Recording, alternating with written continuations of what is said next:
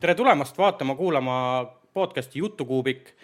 jutukuubikus käivad erinevad külalised, jutustame olnust, olevikust kui ka tulevikust. seda leiab pildiga Youtube'ist R kolmkümmend kolm Jutukuubik ning taskuhäälinguna Spotify'st Jutukuubik. minu nimi on Reio ja täna mul on siin külas luuletaja Laurito Merilo, tere! tere, Reio! Nii, sina oled üks põnev persoon, täiesti uskumatu, kui see ka ei ole. oled sa sündinud meil ja üles kasvanud Tallinnas? seda küll jah, et äh, mul on olnud äh, mõned äh, kõrvalpõiked siin Lääne-Virumaale ja Tartusse, aga põhimõtteliselt olen ikka pealinna inimene, jah. sinna Lääne-Virumaale ja Tartusse me veel jõuame oma jutujärjega. koolis oled sa käinud, ma saan aru, muusikat õppimas just nii. alustasin ma kunagi kuueaastasena mm, äh, Janseni koolist või no ütleme Tallinna Muusikakeskoolist, mis oli siis Janseni või Vabaduse väljaku, sorry, Vabaduse puiestee ääres äh, selline tore äh, metsade keskel kool Nõmmel. elasime me ka tol ajal Nõmmel ja, ja oli selline äh, eluunistus oli viiuldajaks saada. tõsi, kui ma muusikakeskkooli katsetele läksin, siis öeldi, et äh, selliste äh, lühikeste sõrmede ja paksude kätega äh, viiuldajaid ei ole olemas. Mm, kuigi mul oli ka teine suur unistus oli hakata baleriiniks, siis see ka paraku ei realiseerunud, et oota, ma korra segan vahele, väga huvitav nagu selles mõttes karjäärisoov, et millest mi,, kust selline idee üldse, et baleriiniks? no ma alati kujutasin ennast ette sellise äh, luikede järve tantsimas äh, roosa kleidiga ja, ja minu meelest see oli nii ilus äh,, et äh, tahtsin jah baleriiniks saada, see, kuidas nad Kiki Varvukil niimoodi äh, tippisid, et see see, see meeldis mulle ja avaldas kuidagi muljet, et tollal Vene ajal olid väga ilusad multikad ka, et Reiu äkki pärast lisab lingi, üks mu lemmikmultikaid, kus äh, Nõukogude ajal oli siis sinimustvalge äh, seelik oli või noh, kleit oli tegelikult, äh, pallikleit oli siis ühel printsessil seljas. see on see Vene tuhkatriinu ja, ja üks laul on seal eriti, eriti nunnu ja kuidas siis see tütarlaps seal keerleb niimoodi tähtede vahel ja, ja see on nii muinasjutuline, et, et seda vaadates loomulikult iga, iga poiss tahab ka omale sellist kleiti ja, ja niimoodi tantsida. et see baleriini armastus on mul tegelikult senimaani jäänud lihtsalt äh, see on äh, pisut muteerunud äh, siis et ma ise enam baleriiniks ei taha saada, aga küll mulle meeldivad baleriinid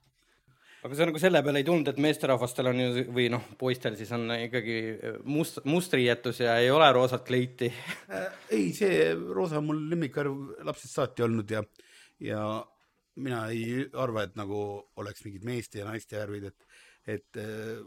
pealegi noh, meesbaleriinid on alati äh, noh, balerunad, eks on nagu kergelt sellised omasooiharad, et, et selliseks küll nagu saada ei tahaks, et äh, et ikka jah. aga jah, et kui muusikakeskkooli sai mindud, siis äh, selgus, et baleriini ja viiuldajat minust ei saa, aga küll võib saada minust tšellomängija.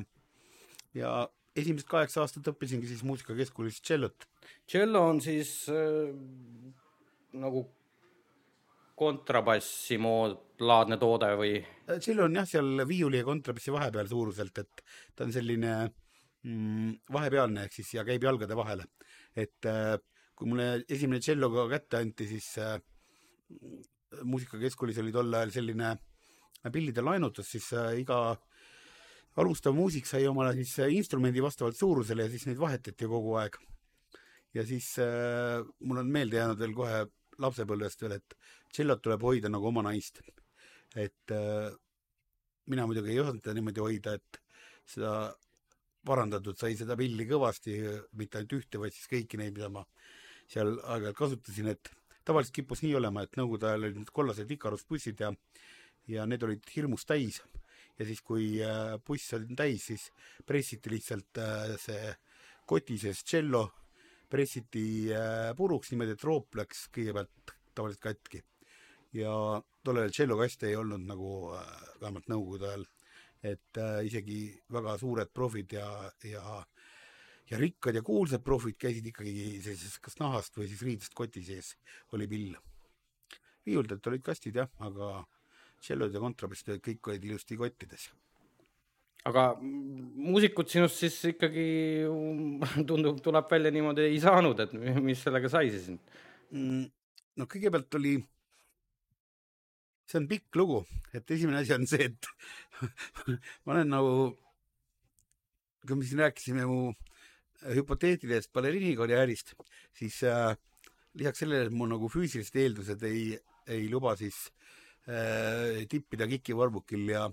roosa kleidikesega, et siis mul on ka selline sünnipärane kohmakus, mis siis, mis siis tähendabki seda, et, et miks ma seda rääkima hakkasin üldse? muusikut ei saanud, aga ja tahtsingi küsida, et muusikust sinust ei saanud, et mis põhjusel siis? Mm, et kuna ma rääkisin siin vist oma baleriinikarjäärist ja ja, ja sellest, et füüsiliste eelduste poolest ma nagu baleriiniks ei sobinud, küll aga on mul selline elevandilik või karulik kohmakus, siis äh, teises klassis juba hakkasin ma tegema tindiplekke, kus oli kirjatehnika äh,, kirjatehnikas oli vaja siis äh, ilmselt puhtust pidada, aga võib-olla mõnedel inimestel, kes on vanemad, mäletavad veel, millised olid äh, nõukogudeaegsed täitesulepead äh,, said kahe, kaks kriipsu teha ja siis oli kolmas oli plekk. Ja teises klassis siis äh, juba kirjatehnikas tekkis mul selline kahe, kaheseis, kus ma kirjutasin küll kaks vihikut ümber, aga oli ikkagi see kolm miinus oli kirjatehnika ja, ja siis äh, äh, proua Laine Sermand kutsus mind enda juurde ja, ja selle nimi oli tasemekomisjon äh,. kuna muusikakeskul oli siis, peeti eliitkooliks, seal käisid igasugused kuulsused, siis äh, äh, siis äh, Servant niimoodi klõbistas sõrmedega vastu lauda ja ütleski, et noh, mis sa oma noorest elust siis arvad. ja, ja seal tasemekomisjonis sai mul käida, sain ma käia neli korda lausa äh,, kuni lõpuks kaheksandas klassis mind siis koolist ka välja visati. et äh, aga see ei olnud sugugi mu muusikakarjääri tipp, sest tegelikult ma lõpetasin vahepeal siis üheksanda klassi ära põhikooli siis Kivimäe põhikoolis, mis on selline äh, veel väiksem ja veel toredam mändide keskel asuv koolimaja, eh, kus ma muide äh, müts maha härra Kalju Kallaste eest, kes oli muusikakeskkooli matemaatikaõpetaja ja matemaatikaprofessor äh,. tema juures mul oli matemaatikas kogu aeg kaheseis kui ma läksin tavakooli, siis ma olin seal geenius täisviieline praktiliselt, õppida üldse ei viitsinud eriti, aga neljad ja viied tulid kogu aeg. ja, ja professor oli mu hüüdnimi seal koolis ja siis, kui ma olin põhikooli ära lõpetanud, siis ma läksin Otsa kooli, kus siis tekkis mõte hakata kontrabassi õppima, sest et äh, olin vahepeal kasvanud ka ja, ja tundus nagu loogiline vahetada tšello suurema pilli vastu. Ja kontrabass on siis see, mis on nagu inimesest pikem selline äh, tummine äh,, tummine instrument, et äh, kui ma käisin ka laulu-tantsupeol seal saateorkestris mängimas, siis aeg-ajalt ikka kohtas selliseid Äh, hüüdeid, et Bill, kuhu sa poisi viid. ja otsas ma käisin kaks aastat ja mõlemat aastat olin parim noor muusik. seda ei olnud ka üldse keeruline saavutada, sest et esimesel aastal oli konkursis, äh, konkursi osavõtjate seas üks kontrabassimängija, kes olin mina. ja teisel aastal oli vist kolm, et äh, kas siis ühe hulgast parimaks tulla või kolme hulgast parimaks tulla, ei ole just eriti suur kunst Äh, pluss, et äh, mul tol hetkel oli ka lisaks oma õpetajale oli ka äh, üks petpraktikat tegev konservatooriumi tudeng, kes siis jagas minu unistust, tol ajal mul oli unistuseks mängida Titersdorfi kontrabassikontserti, mis on nagu tehniliselt äärmiselt keeruline heliteos ja mida tavaliselt mängitakse konservatooriumi lõpu, lõpetamisel. mina tahtsin seda mängida Otsa kooli esimesel kursusel, ehk siis umbes noh, niivõrd-kuivõrd kuus-seitse aastat enne õiget aega. kas õnnestus? niivõrd õnnestus, et äh, selle äh,, selle kontserdi ma suutsin maha mängida väga hea kadentsiga veel kusjuures et äh, ise olin õnnelik, kõik ahetasid, et seda ju tegelikult ei ole võimalik mängida minu vanuses ja, ja üleüldse, et, et keeruline ta ju on, aga Otsa kool oli selles mõttes ka natuke tagurlik kool, et otsustati, et ma e-, esinen seal konkursil ikkagi selle kavaga, mis mul oli ette nähtud, mis oli natuke mm, eakohasem. aga nagu ma aru saan, ega reaalselt sinust siis nagu muusikut ei saanudki, vaid elu viis hoopis kuhugi mujale? sellega on nüüd niimoodi, et äh, kui ma olin Otsa kooli mm, esimest kursust kordama jäänud sest äh, Otsa kool oli alguses oli selline kool, mis äh, ei suutnud ära otsustada, kas ta tahab olla siis äh, nagu kutsekool või, või äh, keskeri õppeasutus või, või ütleme, pool kõrgkooli, siis äh, algselt võeti Otsa kooli sisse siis üheksanda klassi lõpetanud, aga esimene aasta ei antud keskkooli aineid kõiki. Ja siis, kui otsustati, et äh, Äh, tuleb keskkooliaineid tulevad juurde nendele, kes ei ole äh, keskkooli lõpetanud. Mm, siis selleks ajaks mul oli, oli esimene aasta juba käidud, siis ma läksin esimesel kursusel tagasi. Äh, etteruttavalt võin öelda, et ka kõik need ained, mis ma seal üldse tegin ja hiljem tegin, mm, sest et Otsa kool ostis nagu siis reaalaineid ostis sisse minu meelest tol ajal oli kas kuues või esimene õhtukas. ühesõnaga kuskilt õhtukast oli mingi mata ja füüsika aga ütleme, keel ja kirjandus ja sellised asjad olid, olid kõik otsas sees. ja, ja, ja kui ma seda seal olin nagu nii-öelda teist aastat esimesel kursusel,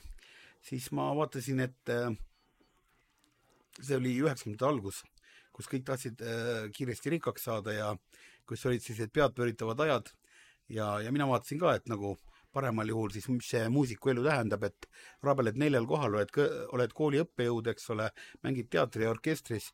ähm, teed õhtul bändi, eks ole, kaaslastega veel ja käid kõrtsides mängimas ja lõppkokkuvõttes saad sama palju mm, palka nagu panga kassapidaja. et siis ma otsustasin hoopiski, et ma lähen rahandusse ja hakkangi kassapidajaks. kuhu kohta sa läksid kassapidajaks? Ja, ja samas, kui noor sa olid? viisteist või kuusteist või? ei, ma olin kaheksateist, ma olin kaheksateist ikka täis ja, ja läksin äh, valuutavahetusse kassapidajaks ja olin kolm aastat kassapidaja. Äh, iga vaba hetk harisin ennast äh, valuutaspekulatsioonide alal ja, ja üritasin ise kõrvalt nagu ka äri teha ja teenida kursimuutuste pealt. Need olid sellised huvitavad ajad, kui kui valuutavahetused ja pangad kes olid äsja alustanud, siis äh, töötasid Eesti Panga kursi alusel, mida anti kord päevas nagu äh, päevase hilinemisega. aga, ja kusjuures äh, noh, kuna üheksakümne kolmandal aastal internet nagu ei olnud väga veel, ütleme, selline moesõna ja nutitelefon ei olnud, siis kõige kiirem viis, kuidas sa said teada, mis kuskil linnas toimub või milline kurss teistel on, siis see selle teadasaamiseks sa pidid ise need äh, pangakontorid ja valuutavahetused läbi käima. ja tihtipeale juhtus ka nii, et ütleme, üks äh, valuutavahetus tahtis müüa midagi ja teine tahtis sama asja osta ja neil olid kursivahedes olid need huvid olid näha ja selle pealt oli võimalik teenida. ja ma ei olnud sugugi ainus, kes nagu käis neid kursse uurimas ja aeg-ajalt tegigi selliseid tehinguid, kas siis pankade või valuutavahetuste vahel. ja selle eesmärgiga, et, et see vahelt teenitud papp omale tasku panna. no praegu tundub, et, et äh, elu oli päris äh, lilleline või raha nagu vist äh, probleemi ei olnud tol hetkel või? ma ei tea, kas meie vaatajate hulgas on nagu Maksuameti esi-, esindajaid, aga igal juhul on need ajad nagu nii ammused, et, et keegi ei saa mitte midagi öelda ega, ega teha ilmselt on äh, aegunud ja just. ja mitte ainult aegunud, vaid ka mm,, vaid ka tol ajal näiteks ei olnud sellist asja nagu mm, rahapesu äh, äh rahapesu ei olnudki kuritegu, et, et tollal käiski, rahavedu käis ka selline, et võtsid omale sellise suure kohvri või, või sellise spordikoti ja ladusid selle nagu triiki raha täis ja siis käisid ringi sellega niimoodi nagu mingi prügikoll, eks ole, et siukse suure taarakohvriga. et, et jah, olid teised ajad. ma kiirelt küsin vahele, kas sul relva ei olnud siis? oli ikka. ma olin hambuni relvastatud tol ajal, et mm, see oli selline huvitav periood, kui oli selline,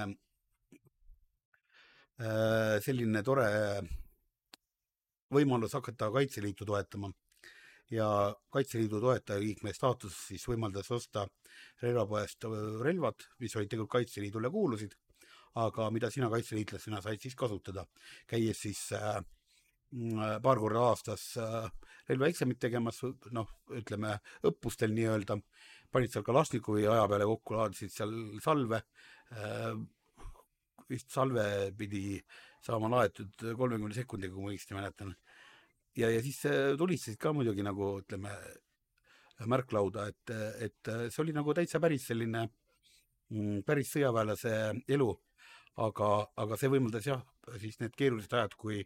ülepäeviti pommid lõhkesid või, või või plahvatasid bensiinijaamad ja spordiklubid, et siis sel ajal sai kuidagi ikkagi ära elatud. ma korraks torkan vahele, mul tuleb meelde kahe tuhandete keskel kas oli äkki kuus, viis-kuus, äh, ma ei ütle, kus ma töötasin, aga, aga käisid seal ühed kliendid, kes äh, pakkusid ka mulle nii-öelda althõlma seda varianti, et äh, paneme su Kaitseliitu ja, ja põhimõtteliselt saad sa endale relva niimoodi, et sa relvaeksamit tegema minema ei peagi mm,. Kas ta nüüd kahe tuhandete keskel enam nii aktuaalne oli, see on nagu küsitav sest äh, aga üheksakümnendate keskel oli, oli, oli see täiesti toimis. kusjuures äh, omapärane oli see, et noh, tollal oli mm, osad tiirud olid ka sellised äh, nii-öelda kinnised ja, ja kas eriüksuste või, või ütleme, selliste äh, karmide turvaärimeeste poolt äh, loodud. Ja noh, tol isegi lõhkekuulid näiteks olid äh, põhimõtteliselt vabamüügis, et noh, hetkel on selline moon on nagu keelatud, mis äh, mis niimoodi kahjustab. ja, ja veel, mis äh, oli huvitav, oli see, et äh, mm, põhimõtteliselt oli võimalik nagu näiteks politseipatrulli peatumismärguandeid eirata, kui, äh, kui sa olid nagu rahavedu teostamas kas sul oli mingi vilkur siis või, või millega sa politseile märku andsid, et kuule, au, tõmba vähe eemale, et see oli see selline eriluba oli äh, nii-öelda rahaveokaart, et mis oli seotud sõidukiga ja ja need sõidukid ei pidanud siis liikluseeskirju eriti järgima, et võisid seal trammiteel sõita ja ja laste vankrite vahel kuskil kõnniteel ja noh, ühesõnaga mida iganes teha, mida tahtsid. kas siit tänaval püssi ka lasta? tänaval ma püssi ei lasknud, et äh, olin selline hästi nunnu, aga ühel suvel ma mäletan küll, et ma olin ka sõitmas ja ma olin kabuurist olin nagu relva välja võtnud, sellepärast et mm, sest ma tol hetkel olin nagu T-särgis ja lühikeste pükste väel ja, ja siis relv oli mul lihtsalt nagu autoistme peal jalgade vahel ja tol korral mul raha kaasas küll ei olnud või olin ma alles sõitmas raha järele, ühesõnaga mm, ma peatusin politsei märguandele ja siis äh, tol korral ma jäin seisma, sest mul tol korral nagu see ei, ei olnud rahavedu, mida ma teostasin. ja siis küll politseinik küsis ka, et kas mul nagu luba ka selle äh, asjanduse jaoks on, mis mul jalge vahel seal on et äh, jah, sellised äh, huvitavad mälestused ja ega, ega neid aegu tegelikult väga tagasi ei tahagi, kuigi see on selline nooruse ja romantika ja, ja nunnuses. Palju sa reaalselt siis äh, kokku, kokku kühveldasid seda, kui see väga saladus ei ole? mina olen väga vae, vaene ja tagasihoidlik inimene ja mul ei ole mitte mingisuguseid rikkusi. küll aga ma olen kaks korda lahutanud ja mõlemal korral lahutades justkui sai lahutatud nii, et äh, kõik tehti pooleks, ehk siis vara jäi naisele ja võlad jäid mulle. et, äh, et see tundus nagu mõistlik ja, ja, ja ütleme nii, et ma olen nagu rahul, et, et kui ma ka kahe tuhande kolmandal aastal, kui ma kümme aastat nagu olin kahte valuutavahetust siis ka juhtinud vahepeal, sest ega ma kassapidajaks nagu elu lõpuni jäänud, et ma ikkagi natuke ka tõusin ametiredelil ja äh, pärast seda, kui üks valuutavahetus äh, tegevuse lõpetas, siis ma vahepeal olin, müüsin autosid, mis oli ka väga põnev aeg. Üheksakümmend, terve üheksakümne kaheksanda aasta ma müüsin autosid. seal sai, ma võin automüügist ka pärast veel natuke pikemalt rääkida, sest mm, sest üheksakümmend kaheksa aasta oli selline põnev aeg, kui tuli uus S-klassi Mercedes tuli turule ja Äh, Saksa Mercedese tehas otsustas, et ta Silver autole ei anna ühtegi S-klassi Mersut, enne kui Saksa inimesed on nagu teenindatud ja siis minul sõltumatu automüüjana näiteks oli võimalus tuua Saksamaalt äh, nii-öelda pruugitud, aga tegelikult võib-olla mingisugune viis kuni kümme tuhat kilomeetrit läbi sõitnud äh, S-klassi Mercedeseid, mille eest siis Eesti äh, suurärimehed ja eelkõige siis äh, Vene suurärimehed mm, said oma Krutaja Tatška kätte nagu õigel ajal ja, ja maksid selle eest eh, sada, sada viiskümmend tuhat krooni rohkem, kui selle auto nagu tegelik väärtus oli. Aga tol ajal see oli ju tohutu summa ju S-klassi Mersu eest eh, veel, praktiliselt uuest autost me räägime ju. Eh, praktiliselt uuest autost ja noh, ütleme nad ikkagi ulatasid sinna miljoni kanti uuest peast, et odav lõbu just ei olnud. Ainult üheksakümmend kaheksa müüsid, mis edasi? ma müüsin üheksakümne üheksandal aastal ka, tol hetkel oli teine huvitav auto, mis tuli turule, oli äh, natuke ümaramate vormidega Nissan Patrol eh,, esimene Patrol, mis meenutas nagu nii-öelda moodsat autot. ja sellega juhtus ka niimoodi, et, et Eesti turule eraldatud autod said juba kiiresti otsa ja keegi oodata eriti ei viitsinud. Patroli hind oli seal kuskil poole miljoni kanti et neid ma tõin Soomest vahepeal, et kus oli siis natukene äh,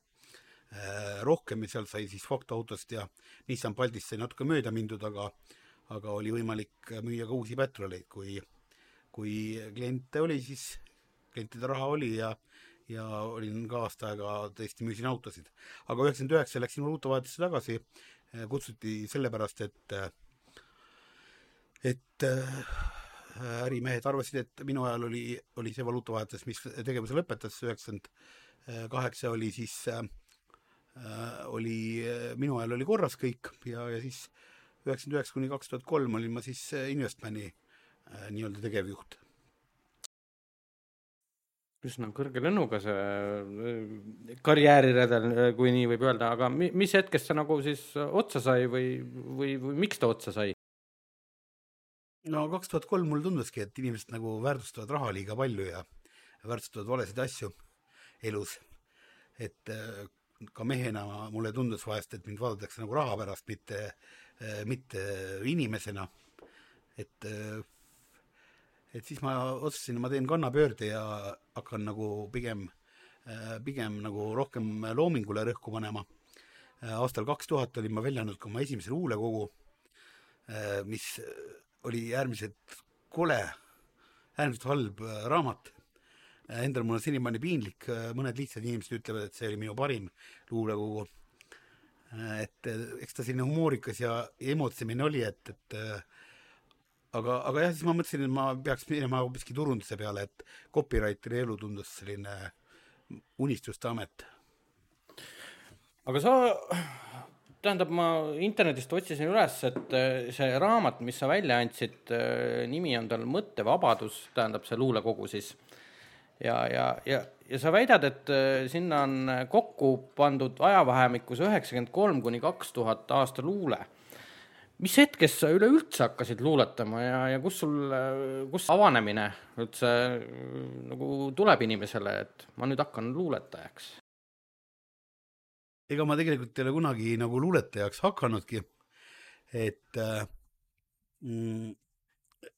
võib-olla oli mul raske lapsepõlv või ühesõnaga mul mm, kuskil viieteist-kuueteistaastaselt äh, tekkis selline mõte, et äh, et kuidagi tuleks need tunded, mida ma tunnen äh, tüdrukute vastu, tuleks nagu kuidagi sõnadesse panna äh,. üks tütarlaps ütles mulle Äh, kunagi, kui me jalutasime umbes tund aega läbi varahommikuse linna, et tema selliste poistega käia nagu küll ei tahaks, kes lihtsalt tund aega vait on. Et temal on igav selliste poistega ja siis ma, kuna ma ise olingi selline häbelik ja tagasihoidlik noormees, siis ma mõtlesin, et äh, vaataks, mida siis äh, keegi teine on on öelnud nende tunnete kohta, mis ma arvasin, et mul on sees, pulbitsevad. ja, ja siis äh, suhteliselt varakult avastasin Doris Kareva luule ja, ja see nagu kuidagi puudutas hästi sügavalt ja siis äh, noh, muidugi ma lugesin teisi ka, et äh, siin Viidingut ja ja Alliksaart ja, ja ühesõnaga ma olin siin äh, täiesti traditsioonilise ja igava äh, luule maitsega, aga kõik see kuidagi nagu sundis kuidagi oma mõtteid ka kirja panema ja, ja tahtsin nagu öelda, mida, mida ma tegelikult tunnen siis. ja, ja niimoodi ma luuletama hakkasin, ise ma arvasin, et ma luuletan kohutavalt hästi. see on alati kõikide noorte viga, et nad arvavad, et ükskõik, kas nad on siis äh,, annavad välja esimese raamatu või, või teevad esimese mm, bändi esimese loo, esimese äh, vlogi või mis iganes nad teevad, et ühesõnaga nad on selle üle väga uhked tavaliselt. Ja õpetajad patsutavad ka seljale ja mm, ma mäletan isegi oma kooliajast, ma kirjutasin kunagi ühe kirjanduskaustiku äh, tahakaanele, kirjutasin mõned luuletused ja siis äh, julgesin neid õpetajale ka näidata ja õpetaja oli ka nendest nii vaimustuses, et, et siis kuidagi see nagu tähendas, et ma pean nagu jätkama oma, oma luuletamisega tahtsin küsida sellist asja, et kas sa mäletad, palju sul esimese raamatu tiraaž oli ja kui kiiresti see otsa sai, sest et eh, ega seda enam poest eh, mitte mingil juhul ei ole võimalik leida ju mm,. esimest raamatut ma andsin välja, kui ma nüüd ei eksi, siis äh, kakssada äh, eksemplari. ja tol hetkel ma olin ka Ingvar Luhaääre poolt äh, äh, organiseeritud sellise luuleliidu liige seal oli siis kaks konkurssi, oli Kuldne kaseleht ja üks oli Kuldne kaseleht ja teine oli ka mingisugune konkurss. ühesõnaga, üks oli, oli sügisene ja teine oli kevadine konkurss. ja siis ma mingi aeg seal võis, võitsin selle ja neid luuletusi trükiti ka kogudes ära ja siis mul tekkis mõte, et peaks oma raamatu nendest kõige parematest luuletustest välja andma. Olin väga ülbe, ise finantseerisin. Äh, tiraaž sai otsa. Mm,. pakun välja kuskil kolme-nelja kuuga, sest et see oli suhteliselt väike tiraaž, küll aga umbes kakskümmend aastat hiljem, kui mingisugune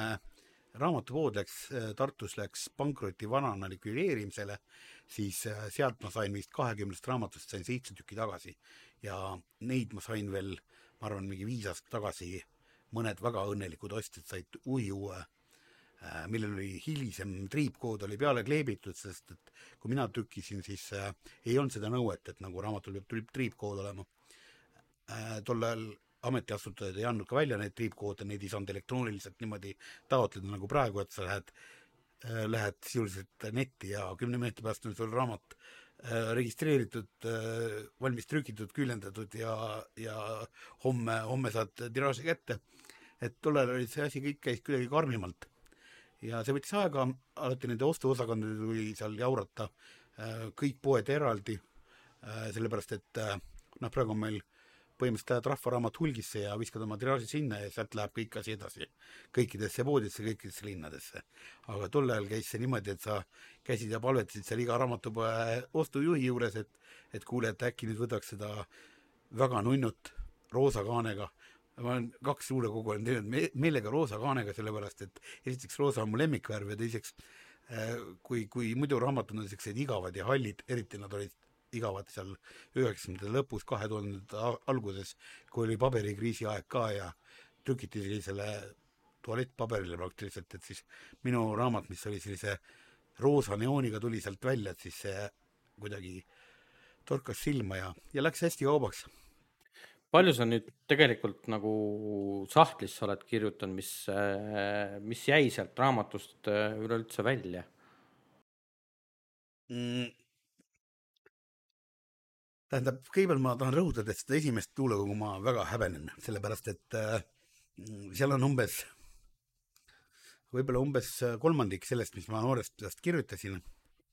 ja, ja kohati see, mida ma seal noorest peast kirjutasin, see oli ikka täielik saast. see, mis sinna kaante vahele jõudis, see oli ka paras saast,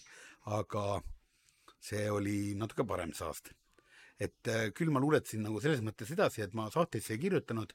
vaid ma andsin järgemööda veel igasuguseid raamatuid välja. et pärast seda on mul ilmunud veel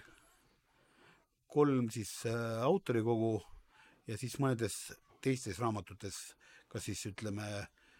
luuletus või, või, või paar või kolm või kümme, eks ole, et, et aeg-ajalt on sellistes koondkogudes ka mu luuletusi olnud. ja, ja siis äh,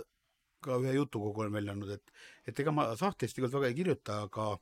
küll ma üritan nagu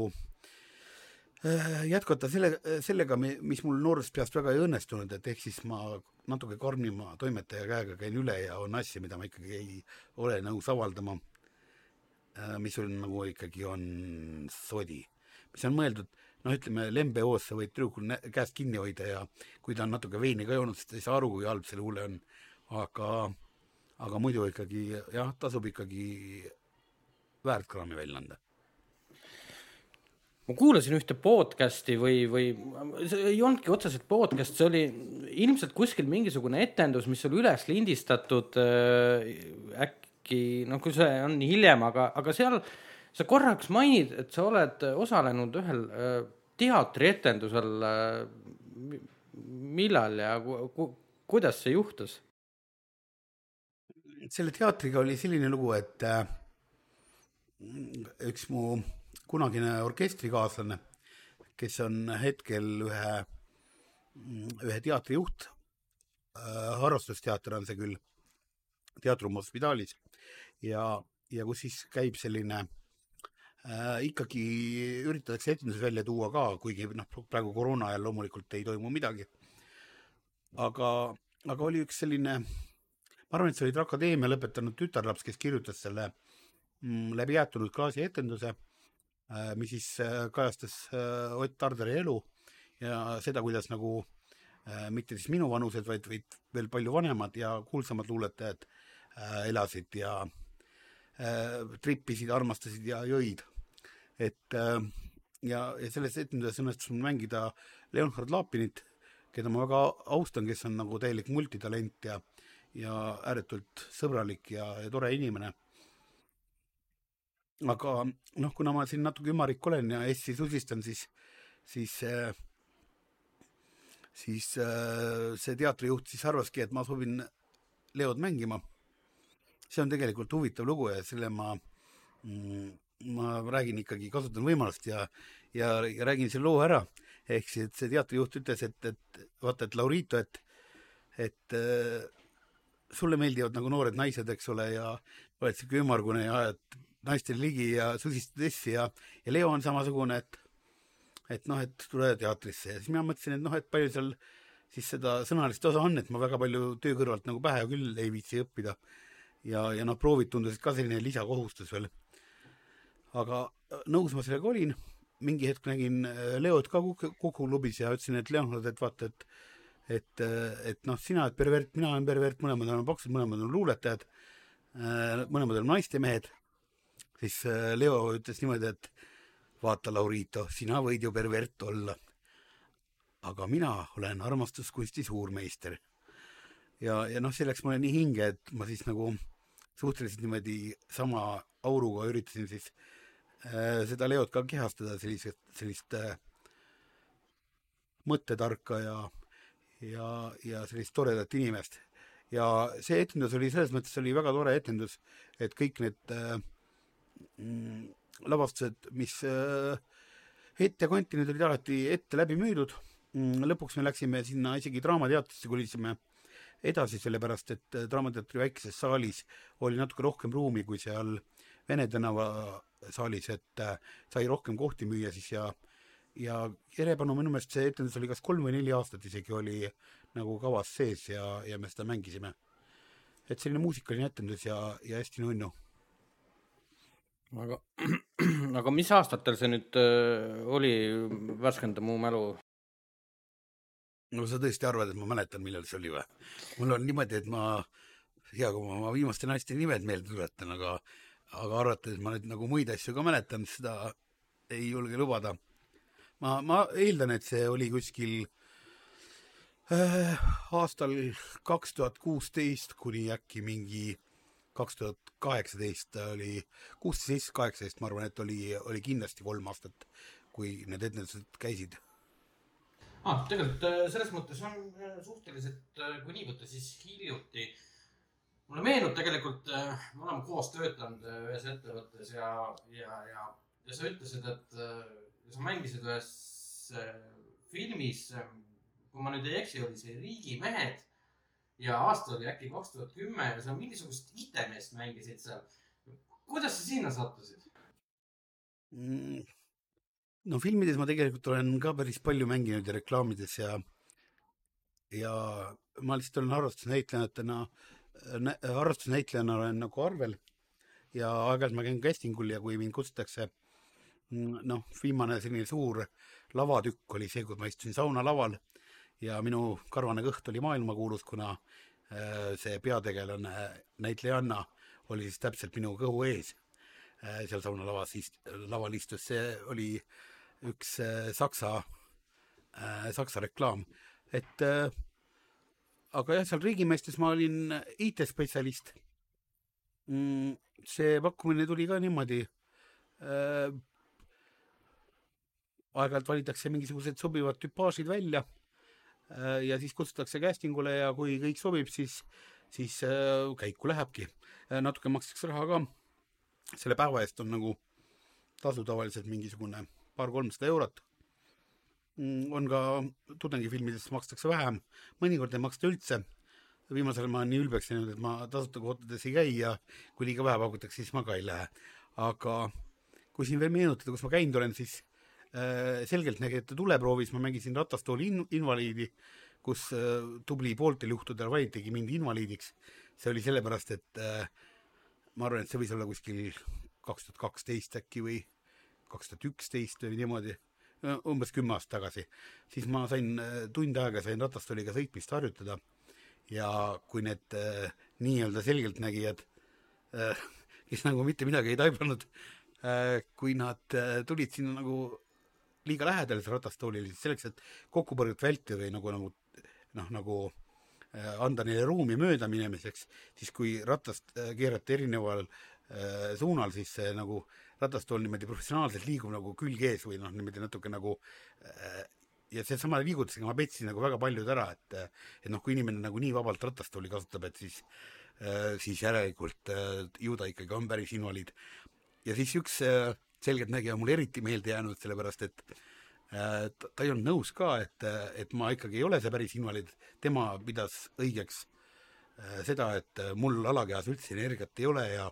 ja kui ma ei ole invaliid, siis ma kohe-kohe jään. nii et äh, noh, sellest on nüüd tubli kümme aastat möödas ja mis siin salata, ei ole jäänud veel invaliidiks. ja alakehas on energiat ka endiselt, nii et, et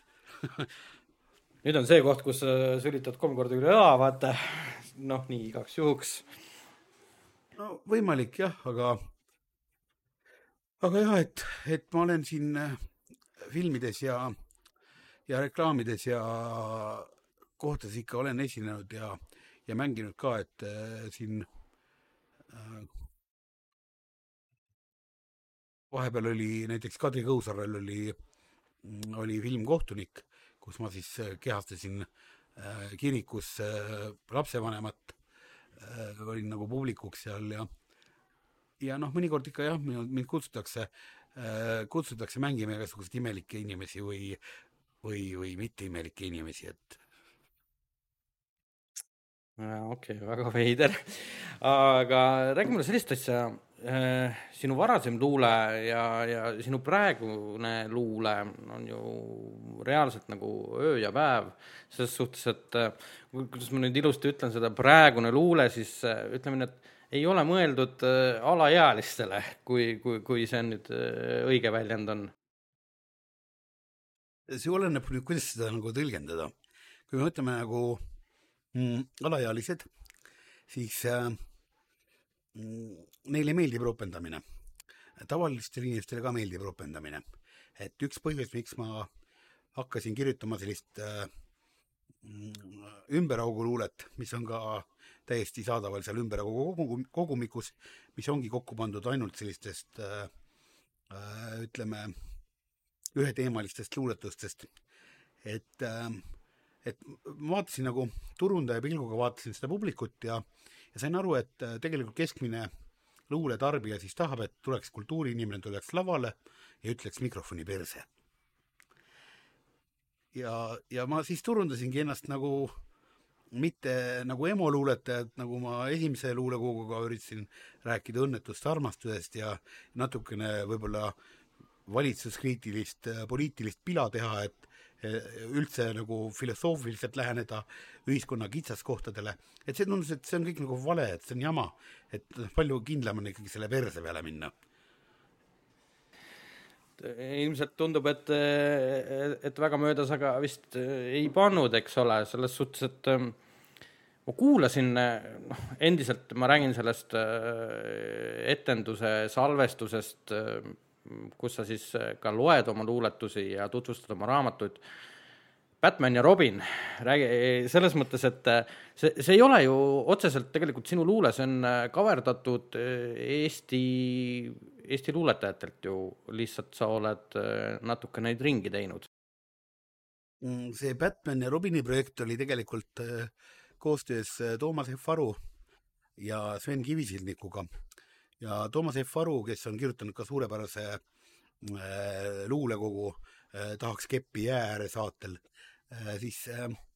me, meil tekkis mõte või õigemini Toomasel tekkis mõte, et selleks, et nagu noorsugu jälle luule juurde tagasi tuua, selleks tuleks see klassikaline värk ümber kirjutada pornovõtmes. ja seda me siis tegimegi, me võtsime sellised klassikalised palad,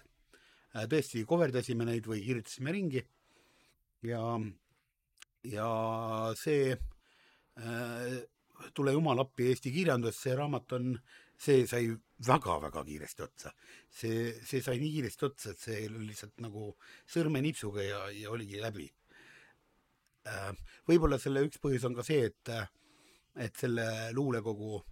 minu teada maailma ainus luulekogu esitus, mis üldse on kunagi toimunud, äh, toimus stripiklubis. et kui tavalisel raamatuesitlusel käivad kaks mammit, endist kirja, kirjandusõpetajat, kolm raamatukogu töötajat ja see ongi enam-vähem kogu publik, siis äh, siis luuleraamatu esitlus Tartu stripiklubis oli umbes samasugune mürtsuga projekt, nagu kunagi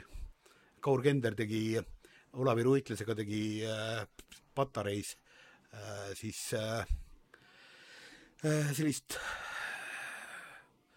noh, nii-öelda, nii-öelda kurikarjas etendust äh,, kus oli, oli ka siis ütleme räpparid ja sellised äh, otsema ütlemisega luuletajad koos ja kus oli eh, sadu ja isegi tuhandeid inimesi publiku hulgas, et see on, kui teha show'd, siis teha ikka nii, et nagu, et asi toimiks. sealt,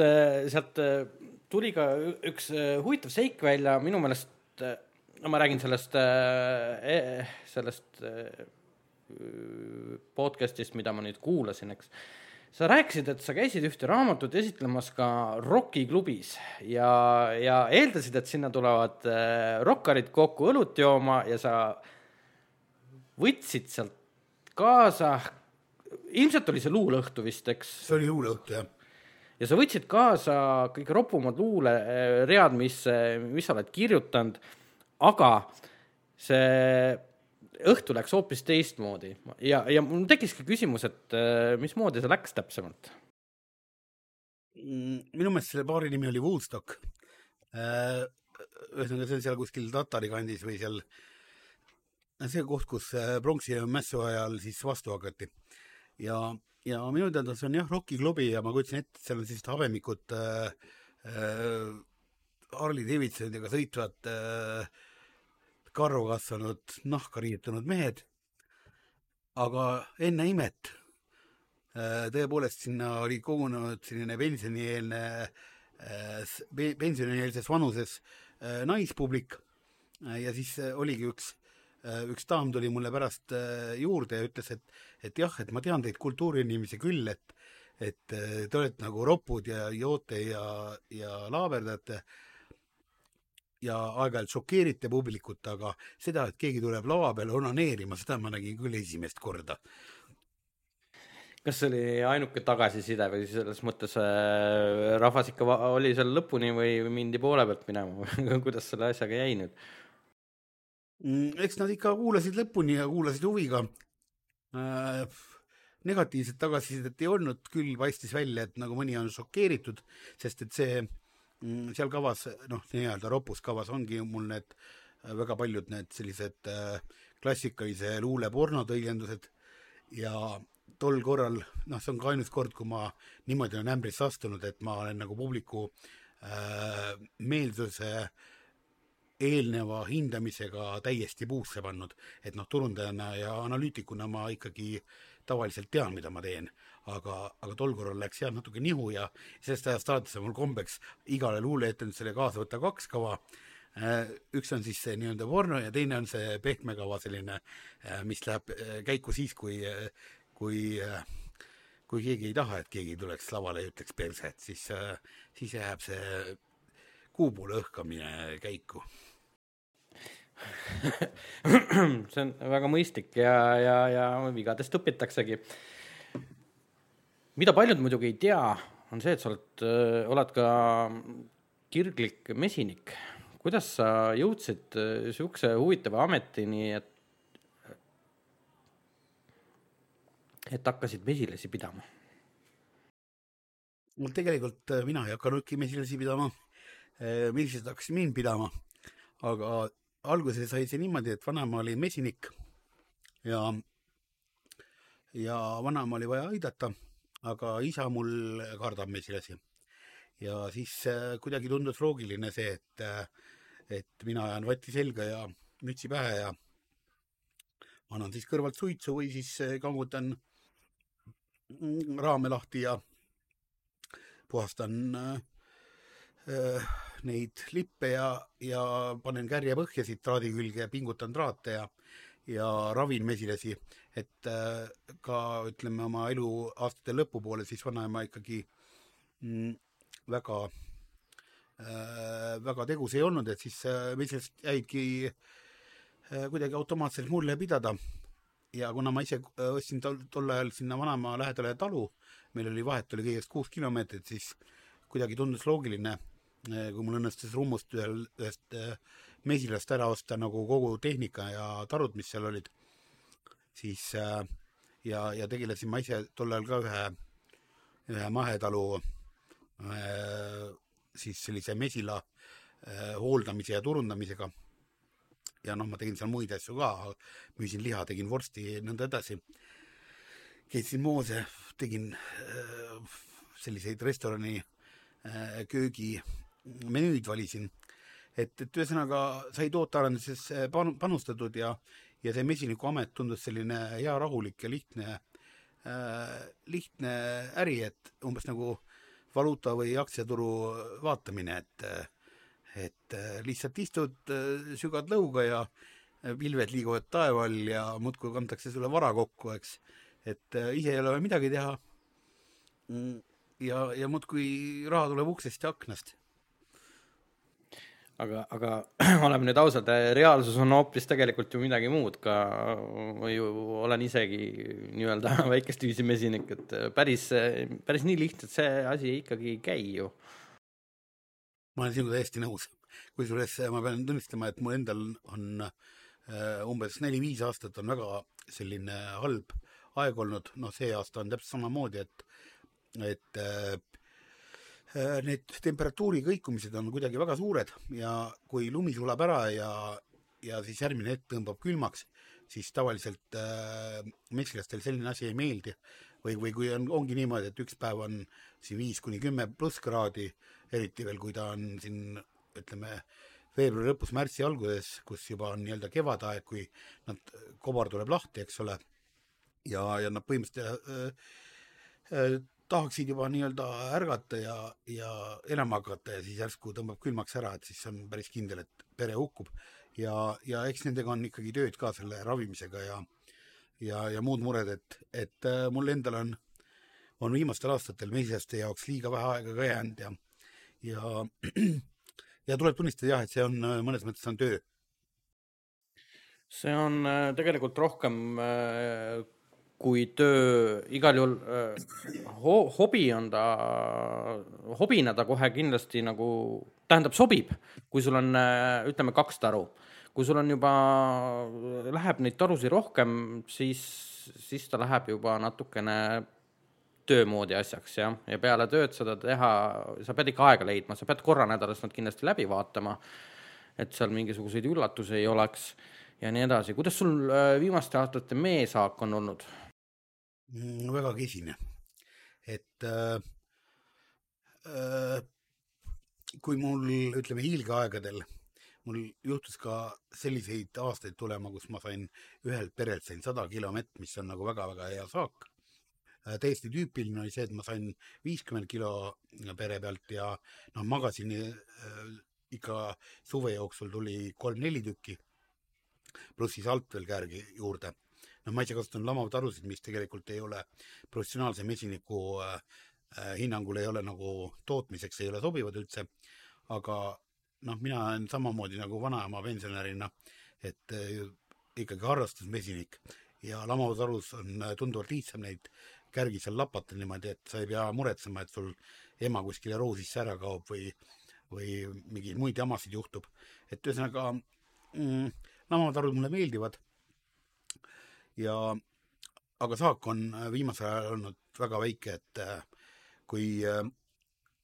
ütleme, hiilgeaastatel ikkagi tekkis mul oma klientuur, kes senimaani nüüd siis äh, saamata juba mitu aastat minu käest mett või, või saada, saades ainult pool kogust või, või vähem kui peaks, siis, siis nad on ootel ja tahaks mett saada, aga mul ei ole neile pakkuda nii palju, kui vaja oleks ma olen sinuga selles mõttes äh, täitsa ühes samas paadis, et ka minul on väga-väga äh, kehvad aastad olnud. Äh, mul on neli taru ja nelja taru peale ma saan põhimõtteliselt viimased kaks-kolm aastat olen saanud ainult oma tarbeks ja, ja seda ma olen ka teinud. oma tarbeks, see tähendab seda siis kuni kümme kilo. noh, päris tühjaks ma neid ei ole teinud olen ikka neile ka jätnud, pluss suhkruvesi, eks ole, et päris äh, suhkruvee peal nad äh, üle, üle talve ei taha tulla nagu. see on ka selline, ütleme, jätkusuutlik majandamine, et et kui on nagu halvad aastad ja sa näed juba, et, et äh, ei, ei tule eriti nagu saaki, siis äh, siis noh, mina ka mitte kunagi ei võta nende mett ära, et neile hakata siis nagu nii-öelda nullist suht söötma. et äh, ma jätan neile praktiliselt, kui ma näen, et on halb aasta konkreetselt, et noh, magasinid täituvad aeglaselt ja kuidagi vaevaliselt, siis ma tavaliselt äh, alt ei hakka üldse koorima midagi, et noh, äärmisel juhul koondamisel sügisel võtan ära mõlemast äärest mingi kaks kärge, aga aga noh, see ongi niimoodi, et kui magasin seal kümme kilo, eks ole, ja a la kaks äh, kilo on kärg umbes, äh, neli kärge korjad ära sealt, äh, noh, ongi kakskümmend kilo taru pealt, et see on nagu väga vähe ikkagi. seda on tõesti vähe jah, aga eks see, eks see kliima ole palju muutunud ja ma ei tea, kuidas sinu juures on, aga minu juures on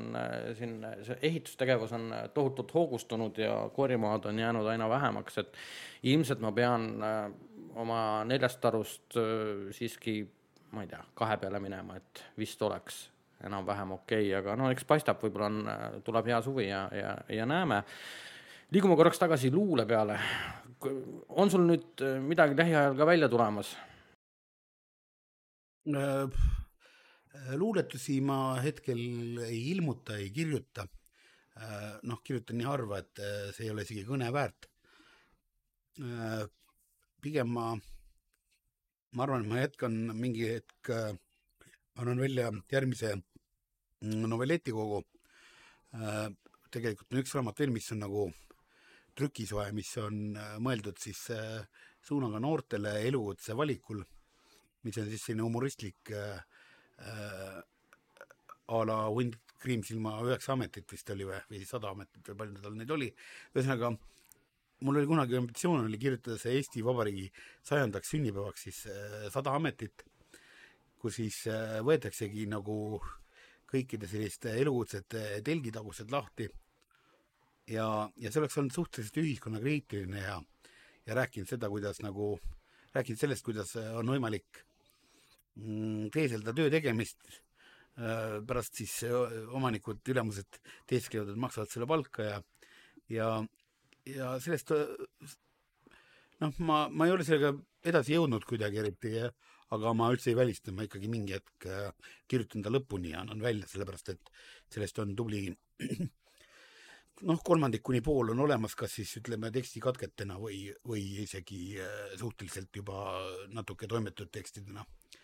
et, et ühesõnaga kaks, kaks proosateost ikkagi on nagu teoreetiliselt soolas, aga ootavad paremaid aegu. ma loodan, et nüüd see aasta algas küll hästi ja loodan, et läheb edasi veel paremini, et äh, äkki jääb natuke rohkem aega siis mesilaste ja kirjutamise jaoks see on muidugi väga meeldiv kuulda. ma tahtsin küsida juba ammu, mul jutt lippas nii ruttu, et ma, mul jäi see küsimus esitamata, ma küsin nüüd selle. kuskohast sa ammutad inspiratsiooni kui sellist, kas sa istud maha ja mõtled, et nüüd ma hakkan kirjutama või see tuleb täiesti, täiesti noh, näiteks ärkad öösel üles, oh, nüüd tuli. Inspiratsiooni ma võtan eelkõige siis äh, igapäevaelust, mind ümbritsevatelt inimestelt ja, ja iga päev tegelikult pakub mingeid selliseid äh, avastamisrõõme mm,. siin on küll üks väike oht, ehk siis, et äh, kui kirjutada mm, päris elust või, või sellest, mis äh, mis ja kes sind ümbritsevad, siis mõned inimesed võivad ennast sinu teostes ära tunda ja siis nad on hirmus solvunud pärast. Aga, aga tegelikult minu meelest on see kirjutamise juures paratamatu, et, et, et kui sul on selline mm, ühiskondlik närv on, on nagu pingul või, või terav, et siis sa, siis sa märkad neid kitsaskohti ja, ja vajakajäämisi ja, ja siis paned nad oma teostesse või siis artiklitesse, kui sa oled ajakirjanik. aga, aga noh, kuna ma viimasel ajal meedias enam ei avalda eriti,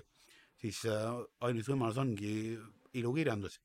ja ilukirjandus, kui sa võtad mingisugused suvalised tegelased, siis nemad võivad ju lollina käituda ja, ja pärast siis äh, lugeja loebki, vaatab, et oh, kus on poisil alles hea fantaasia, eks ole, selle asemel, et tegelikult äh, mõista, et tegelikult see, kes iganes, Vello või, või äh, Indrek või äh, Andres, eks ole, kes seal teoses nagu askeldavad ja toimetavad, et neid on tegelikult päris inimesed, et vaat see elab seal Kopli kuuskümmend kolm ja, ja see on seal tegelikult, ma ei tea, teisel aadressil elab, aga see on hoopis see tüdruk ja, ja et noh, ühesõnaga päris inimesed on kõigega selle taga. kas sul tänane selline ütleme, bardakk, mis meil valitsuses toimub ja, ja kõik see, kõik see tants ja trall, kas ei ole nagu tekitanud sust inspiratsiooni, et kurat, nüüd laiataks raisk? eks see poliitika on ikka südamelähedane ka ja, ja tõepoolest neid lolle on sinna pukki roninud natuke liiga palju. et eelkõige noh, minu meelest vanasti, kui ma olin kakskümmend viis, siis ma arvasin, et nagu alla neljakümne aastased ei tohiks valitsuses olla. Äh, nüüd ma arvan, et nagu alla kuuekümne aastased vist või alla viiekümne viie aastased ei tohiks olla, et et kuidagi see on nihkunud jah, see niimoodi nagu vanusepiiri ülespoole või, või see, ütleme, IQ nõue on kuidagi kasvanud äh, vanusega mul ka, et nagu ma esitan äh, poliitikutele kõrgemaid nõudmisi. et kindlasti sellest äh, hakkab sündima huumorit ja, ja seda aeg-ajalt sünnib siin iga päev, et, et kui ka vaatad nagu ajalehte, siis sa tegelikult ei saagi aru, kas nutta või naerda, sellepärast et et noh, ajakirjanikud on idioodid, eks ole, poliitikud on idioodid äh,, ümberringi on ainult mingisugused idioodid äh,, ajavad oma idiootlikke asju, toimetavad oma ahvide tegemusi, tegemisi äh,. noh, ma õnneks veel ütlen, et nagu päris meedias nii-öelda on veel selline suht-koht enam-vähem nibin-nabin, aga noh, näiteks need Youtube erid ja influencer'id ja noh, seal on see lollus tuleb ikka küll eriti selgelt esile, et et siis vahest vaatad lihtsalt ja ohkad ja hoiad kahe käega peast kinni ja, ja mõtled, et kuhu me ikkagi liigume nüüd siis ühiskonnana. Aga sa ju ise postitad ju sotsiaal, sotsiaalmeediasse praktiliselt äh, iga päev ja ütleme niimoodi, et äh, need on ju kõik ju ikkagi pilkena mõeldud, need postitused. no niivõrd-kuivõrd, et äh, sotsiaalmeedias ma olen jah, suhteliselt selline mm, vabaks lasknud ennast, kuna ma sotsiaalmeedias ei tegutsegi nagu mitte päris inimesena, nagu mõned inimesed arvavad, et Facebook on elu või nagu vanasti oli Reit oli elu, et äh, minu jaoks on see mm, loominguline roll, mida ma sotsiaalmeedias mäng, mängin. Ja see mm, selline tabudeta või, või ütleme, piirideta, et ma kunagi kirjutasin ka oma Facebooki mm, äh, postitusse, et äh, selgituseks, et, et kui meil EU on nagu äh, viisavaba, et siis paluks ka minu loomingut võtta niimoodi nagu ilma piirideta, et et noh, siin mingisugused enesekontroll või ütleme, selline inimlik viisakus või mingid sellised asjad nagu üldse ei, ei piira äh, loomeinimese loomingut. et kui ma ka Tartus vahepeal olin, siis meil oli selline kommuunimaja, kus täiesti tüüpiline oli see, et võeti lahti viieliitrised veinipakid, äh, kõikide läpakad telefonid rändasid keset lauda, klahvilukke peal ei olnud, kõik, kes tahtsid, võisid kirjutada, mida tahtsid, ükskõik kui täis olid, ükskõik mis oli ükskõik äh, millisele kontaktile ja, ja keegi ei pannud pahaks nagu. et noh, tänapäeva maailm on selles mõttes natukene äh, piirangu rohkem, et siin on niimoodi, et kui sa juhtud kellegi teise telefonilt, noh, ma, ma hüpoteetiliselt, ma, ma utreerin natukene, aga, aga saadad mingisugusele valele inimesele, saadad mingisuguse teate või, või kirja, eks ole, oma arust teed nalja, eks ole, aga see teine loll on selline tundlev lumehelbeke, kes ei saa aru, et see oli naljana mõeldud või, või lihtsalt selline jauramine. ja, ja ühel hetkel on siis äh, koputab keegi ukse peale ja, ja pannakse käed raudu ja viiakse kuskile ära, et, et ega siin enam nalja ei ole jah, et, et päris isegi loomingulised inimesed ei saa enam tunda ennast, tunda ennast lõpuni vabana see maailm on sinnapoole liikunud küll ja päris tugevasti jah, selles suhtes on sul õigus. ma nüüd hakkame otsi kokku tõmbama, ma tahaks küsida, kas sind on kuskil, kuskil luuleõhtul ka nüüd tulevikus või lähitulevikus näha, et kes soovib nagu tulla kuulama su luulet, et oleks selline võimalus, ma saan aru, et praegu on koroonaaeg ja aga, aga, aga vaikselt ju, vaikselt ju kõik asjad lähevad lahti juba. Mm, kui, kui need äh, nii-öelda meelelahutusasutused äh, lahti lähevad, eks ma äh, Äh, kuhugi ikka jõuan. tõsi, äh, kuna ma hetkel ikkagi panustan eelkõige ametialasele eneseteostusele ja, ja oma ettevõtte mm, käimalükkamisele äh, teist aastat järjest, siis, siis see tähendabki, et minu nii-öelda loomingulised esinemised on tavaliselt on siis aastase või pooleteistaastase viivitusega et kui siin oli vahepeal üks korporatsioon, kes tahtis hirmsasti, et ma nende peol esineks, siis äh, kaks aastat ootasid. nii, nii on elu, noh. et, et siin ei olegi midagi teha, et kui mm, äh, kui, kui tahta mind esinema, siis äh, tuleb kokku leppida ja loota, et palvetada, et, et kõik laabuks, et ega ma ei oskagi midagi muud siin soovida selge, aga ma väga tänan, et sa leidsid aega läbi astuda mu juurest ja, ja väikse nii-öelda, väikse intervjuu mulle anda ja, ja, ja kindlasti on inimesi, kes, kes ei teadnud seda, mida sa rääkisid ja mul on hea meel, et sai siin, siin natuke rohkem tundma õppida, suur tänu sulle!